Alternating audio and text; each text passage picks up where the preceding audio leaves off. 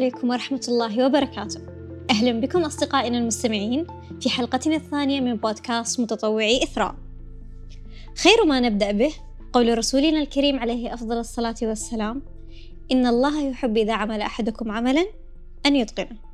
جميعنا يعلم أن التطوع يعد أحد ركائز رؤية المملكة والتي تهدف من خلاله للوصول إلى مليون متطوع ومتطوعة مع حلول عام 2030 كما نعلم أن هناك لحظات مسروقة من الزمن يشعر بها الإنسان بنشوة من السعادة تأتيه دون أن يدفع أي مقابل لهذه اللحظات الجميلة. نحن نتحدث هنا وبكل اختصار عن التطوع أو بين قوسين العطاء. لكن حديثنا اليوم لن يكون عن التطوع فقط بل سنبحر إلى أبعد من ذلك ونتحدث عن المتطوع المحترف. حلقتنا لهذا اليوم ستسلط الضوء عن التطوع الاحترافي. الغير تقليدي ولا يسعني أن أتحدث عن التطوع الاحترافي دون ذكر مركز الملك عبد العزيز الثقافي العالمي إثراء حيث يتهادى أثير هذا البودكاست على مسامعكم.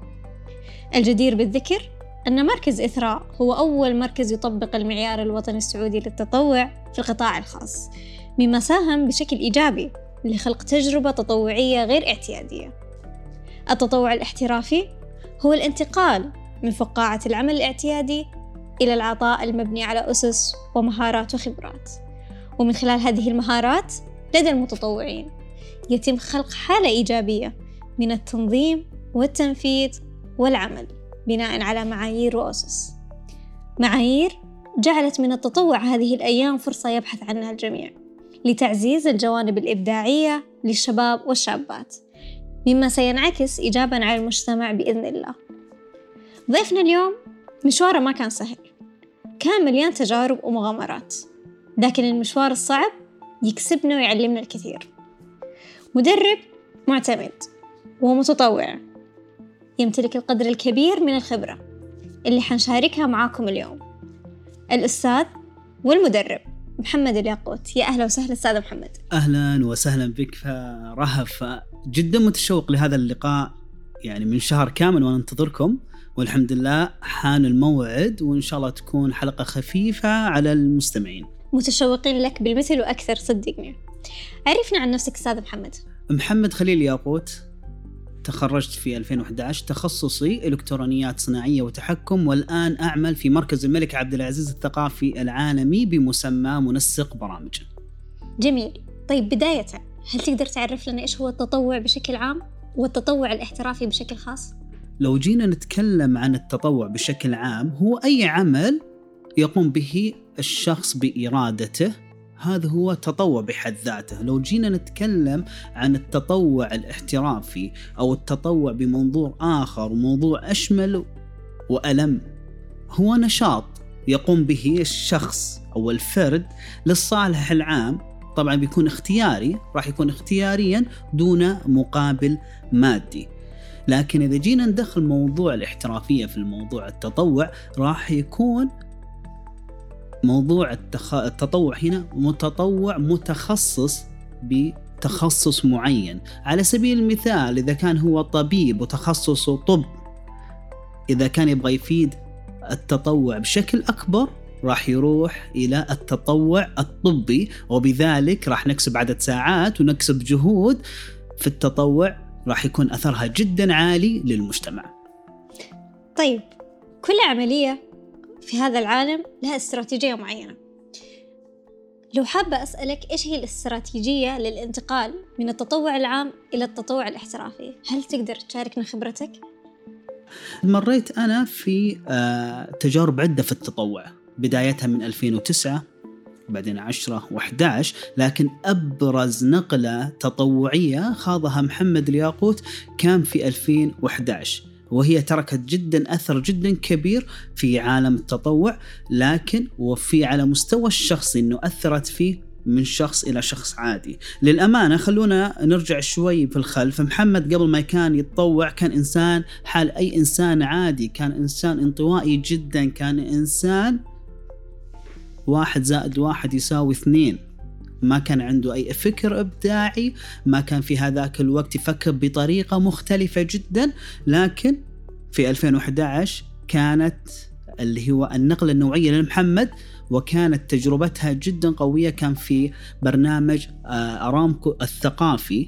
كان عبارة عن خيام وبرامج للزوار وكم وتم اختياري فيها أني أكون مسؤول أو قائد على متطوعين في هذاك الوقت في خيمة العروض الإبداعية. جميل ولو أسألك إيش اللي أهلك لهذا الدور كونك قائد؟ تعتقد إيش المهارات الشخصية اللي أهلتك إنك تكون قائد هذاك اليوم؟ آه المهارات اللي أهلتني كان هذا كان في 2011 تم اختياري لكن لو نرجع 2009 و2010 فعلا أنا كنت متطوع لكن البرنامج كان موجود في 2011 وتم اختياري كقائد على المتطوعين. لو جيتي تسأليني آه ليش اختاروك كقائد على المتطوعين؟ في هذاك الوقت أنا كنت متطوع معاهم من 2009 و2010 كان في عند محمد اهتمام للتطوع وحرص جدا كبير. الحضور المبكر آه المبادرة الحس بالمسؤولية آه كنت متعاون مع الفريق بشكل جدا قوي. آه أعتقد إنك من الأشخاص اللي ممكن حب الشغف عندهم جدا عالي مما أهلك لهذا الشيء. آه فعلا كنت شغوف بالعمل هذا آه لدرجة إنه آه الله يرحم والدي كان يقول لي أنت روح تروح تتطوع لكن دون مقابل. رحمة الله عليه الله يرحمه. كان يقول لي أنت روح تروح تتطوع من دون مقابل. إحنا نعمل عشان ناخذ. لكن كان لهم عملهم التطوعي بأيام زمانهم. لكن في أيام زماننا إحنا التطوع اختلف واختلفت معايير هذه التطوع. فكنت أنا أنطلق للظهران عشان أروح أتطوع. فكانوا يجوني على أثر السؤال اللي أنت سألتيه. كان كنت أتطوع بشكل جدا شغوف فتم اختياري في عام 2011 إني أكون قائد على مجموعة من المتطوعين واختياري إني أكون قائد على هذه المت... على على مجموعة من المتطوعين ترك فيني أثر جدا قوي وإحساس بالمسؤولية وغير من شخصية محمد الياقوت. كانت شخصيتي في 2010 2009 و2010 شخصية هادئة شخصية آه تعمل لكن بهداوة لكن آه على حد أو حدود محدودة جدا. لكن يوم تم اختياري في 2011 كقائد لا تغيرت أساليب كثيرة آه، تغيرت قواعد نقدر نقول تغيرت قواعد عند محمد الياقوت بشكل جدا كبير كان في حس المسؤولية بشكل أكبر آه، من ناحية التخطيط من ناحية الإبداع من ناحية العمل كروح فريق من ناحية التعاون بين أفراد أفراد هذا الفريق التطوعي وإعطائهم المسؤوليات بشكل جدا واضحة مسؤوليات واضحة ومتابعة المسؤوليات على كل شخص من من من أشخاص الفريق. أكيد خلال خبرتك اللي تفوق العشر سنين هذه مريت بمحطات مرة كثير. احكي لنا عن بداية دخولك لإثراء وأبرز المحطات اللي خضتها داخل هذا الصرح. آه، بداية دخولي لإثراء آه، كان عن طريق برنامج في عام 2011 آه، كان اسمه برنامج أتألق. كان برنامج مبادرة كانت هي مبادرة لمركز الملك عبد العزيز الثقافي العالمي كانت تكون في المدارس. كانت هذه المبادرة تعطى برامج تدريبية للطلاب برامج تأسيسية. على سبيل المثال راح أطلق لكم برنامج اللي هو أترك فيني أو أعطاني نقلة نوعية في هذا البرنامج. برنامج اسمه طاقه آه، للمملكة. هو برنامج آه، يعلم الطالب أو يدرب الطالب كيفية اللي هو استخدام الطاقات البديلة بدال ما بدال الاعتماد الكلي على البترول. فهنا في قصة ممكن أقص لكم عليه أقص لكم إياها بطريقة جدا مختصرة ما أطول عليكم. آه، في هذاك الوقت كان في أحد المدربين آه، حصل له ظرف واعتذر عن القدوم آه، للتدريب في هذاك الوقت. جميل. فكان محمد موجود مساعد للبرنامج. دعم أنا كنت شغال في الدعم اللوجستي للبرنامج أو مساعد إداري للبرنامج. فمدير المشروع شاف محمد الياقوت ممكن إنه ينقذ الموقف في هذاك الوقت. محمد عندنا تأخير من أحد المدربين حصل له ظرف فممكن تروح تغطي بداله بحكم إن التخصص اللي موجود معايا هو تخصص مواكب للمادة التعليمية. فبدايتي كانت من هناك ودربت الطلاب لمدة ساعة إلى ساعة ونصف فكان هناك مشرف البرنامج سألني سؤال. محمد أنت دربت قبل كذا؟ خذ تجربة التدريب؟ أنا قلت له لا. قال لي مستحيل. قلت له هذا أول مرة أدرب فيها. قال لي محمد استمر. فهذه كانت انطلاقة لي من ناحية اللي هو برنامج انطلاقة لي من ناحية التدريب. قصة صراحة جدا جميلة في البحث عن الذات ونقدر نقتدي منها أو نستدل منها بأن البحث عن الذات ممكن نحصله بلحظة إحنا ما كنا منتظرينها أو متوقعينها قبل كذا. آه، أتوقع أن كلمة استمر اللي سمعتها كانت دافع لك للعطاء إلى سنين طويلة. يعني من 2011 إحنا نتكلم إلى عام 2021 آه الجدير بالذكر أن آخر دورة تدريبية قدمها الأستاذ محمد للمتطوعين كانت آه ما يقارب قبل ثلاث شهور. آه الجميل في ذلك أن المتطوعين خرجوا من الدورة التدريبية وهم يطالبون بسيشن ثاني وثالث مع الأستاذ محمد. آه من هنا أنا أقدر أسألك آه كون خبرتك في التطوع الاحترافي.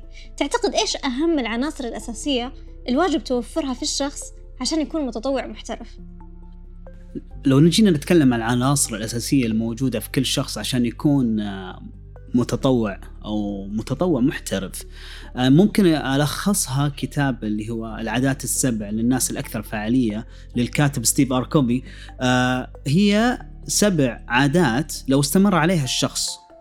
وطورها في داخله صار متطوع محترف وبرزت عليه هذه الصفات. هذه الصفات موجودة لكل شخص بدون ما يقرأ الكتاب موجودة فيك. أنت تسوي هذه العادات بشكل يومي لكن تفوق بعض العادات تكون تطغى عن العادات الأخرى. فلو جينا نسرد العادات اللي كتبها ستيف اركوفي اللي يكون العاده العادة الأولى اللي هي كن مبادرا. الشخص لازم يكون مبادر. إذا ما كان الشخص مبادر ما صار متطوع محترف. أن يبدأ والغاية في ذهنك. يقول لك ابدأ والغاية في ذهنك. أنت قبل ما تسوي أي عمل تطوعي لازم تكون الفكرة موجودة برأسك وراس الفريق اللي أنت تعمل معاهم عشان تكون متطوع محترف وتكون وتطلع معك نتائج جدا جميلة. ترتيب الأولويات وترتيب الأهم يعني ضع الأهم قبل المهم. إذا أنت رتبت الأولويات في مشروعك عملك التطوعي أنت هنا توصل للاحترافية. شيء أساسي وشيء جدا والناس يتغافلون عنه. فكر بالمنفعة المتبادلة. لازم أنت تستفيد والآخر يستفيد والمجتمع الطرف الثالث لازم يستفيد. لكن الأبعاد جميع الأبعاد الثلاث لازم تكون مستفيدة من موضوع التطوع اللي أنت تقوم فيه عشان يكون المتطوع أنت تطوعت بطريقة احترافية جدا. من بعض العادات اللي انت كمتطوع عشان تكون متطوع احترافي لازم انت تفهم الآخرين. أول شيء إذا أنت قاعد في طاولة اجتماعات قاعد في تخطيط لمبادرة معينة أكيد راح يكون في نقاشات ويكون في اعتراضات والواحد يعترض على فكرتك وأنت تعترض على فكرته وكل واحد عنده فكرة معينة. ففي نقطة أو عادة هنا جدا جميلة يقول لك اسعى إلى فهم الآخرين اولا ثم اسعى ان يفهموك افهم الناس افهم كلامهم افهم منطقهم. بعد كذا أبدي ما برأيك. راح توصلون إلى حل لهذا الموضوع. النقطة اللي جينا نتكلم عنها النقطة السادسة تكاتف مع الآخرين. لازم تتعاون تتكاتف مع الآخرين عشان تكون أنت متطوع محترف وتصل إلى الاحترافية. في عادة سابعة أو نتكلم عن العادة العادة الأخيرة أنا أقدر أختم فيها هذا الموضوع. انت عشان تكون محترف في التطوع لازم تكون في عادة التجديد عندك. واللي أقصد في عادة التجديد اللي هي عادة شحذ المنشار. إيش هي عادة شحذ المنشار؟ باختصار أنت لازم ترتاح بين فترة وفترة عشان تتجدد الأفكار اللي عندك وتتجدد طاقتك وقوتك للتطوع. أنا بقول لك تطوع لكن لا تتطوع بشكل جدا مستمر عشان ما تتعب حالك. جسمك وعقلك وبدنك عليك حق. لازم ترتاح بين كل فترة وفترة وراح تشوف أثر هذه الراحة أن تتولد أو تولد عندك أفكار جهنمية تفيد عالم التطوع. حقيقة أنا أشكرك على ترشيح هذا الكتاب اللي ما أعتقد أن في شخص حيقرأ وما حيترك أثر الكبير عليه. آه وبرضو أعطيتنا مثال مرة رائع في أن الشخص كيف ممكن يكون متطوع محترف بشكل بسيط ومفهوم. طيب لو حابين أو وجدنا الشخص اللي يمتلك الصفات هذه كلها برأيك هل في منصات حاليا تدعم التطوع الاحترافي؟ في منصات. وأول منصة لو جينا نتكلم عنها الوزارة أطلقتها منصة العمل التطوعي. هي منصة رائدة وفيها تطوعات متخصصة. أي فرصة متخصصة يتم إطلاقها بالموقع. مركز الملك عبد العزيز. العمل التطوعي عنده ما عمل جدا فعال. أنا قاعد أشوف وأنا موظف موجود في هذا المركز في عندهم تطوع مع الخبراء. فقرة التطوع مع الخبراء فقرة جدا عظيمة. موضوع الفقرة هذه أنت متطوع سواء أنت قاعد تدرس في مجال تخصصك أو أنت خريج. وحاب تتطوع مع خبير في المركز راح تتطوع مع خبير في المركز وراح يعلمك أسرار بعض العمل وراح تتمارس العمل وتستفيد من الموظف بشكل جدا كامل. فالتطوع مع الخبراء موجود في مركز الملك عبد العزيز وفي موجود عندهم التطوع بشكل عام.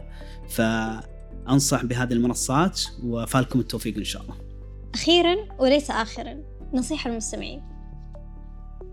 نصيحة للمستمعين واصل استمر اكتشف ذاتك تعلم بشغف وتطوع بشغف أيضا. جميل. خلصنا فقرتنا الأولى وهي كانت الأسئلة بخصوص عنوان الحلقة التطوع الاحترافي. والآن حابين ننتقل إلى فقرتنا الثانية اللي هي أسئلة من الدور العاشر. هي عبارة عن أسئلة عشوائية وعفوية تخص الضيف وبعيدة قليلا عن موضوع الحلقة. نبدأ؟ آه تفاجئيني كذا بس يلا خلينا نبدأ. بس مفاجأة حلوة. أول سؤال. درس مهم تعلمته خلال مسيرتك التطوعية. الصبر ثم الصبر ثم الصبر. محمد الياقوت كان مستعجل يبغى يتعلم بسرعة يبغى يوصل بسرعة يبغى يصير قائد بسرعة يبغى يخطط للفريق بسرعة لكن ما صار كل هذه الأشياء ما صارت جدا سريعة كانت جدا بطيئة لكن اللي خلاني إني أنجز اللي هو الصبر. فزي ما يقولوا لك الصبر مفتاح الفرج. إذا أنت حاب توصل لشيء معين اصبر. فالتطوع علمني الصبر. حلم تسعى له؟ حلم أسعى له؟ الأحلام جدا كثيرة. لكن إن شاء الله بإذن الله أني أكون آه، مدرب على مستوى خلينا نقول الوطن العربي. مدرب بتطوير الذات. معرض الطاقة إيش يعني لك؟ معرض الطاقة آه يعني لي الكثير هو أول معرض تطوعت فيه في 2008 كان بمسمى معرض الزيت.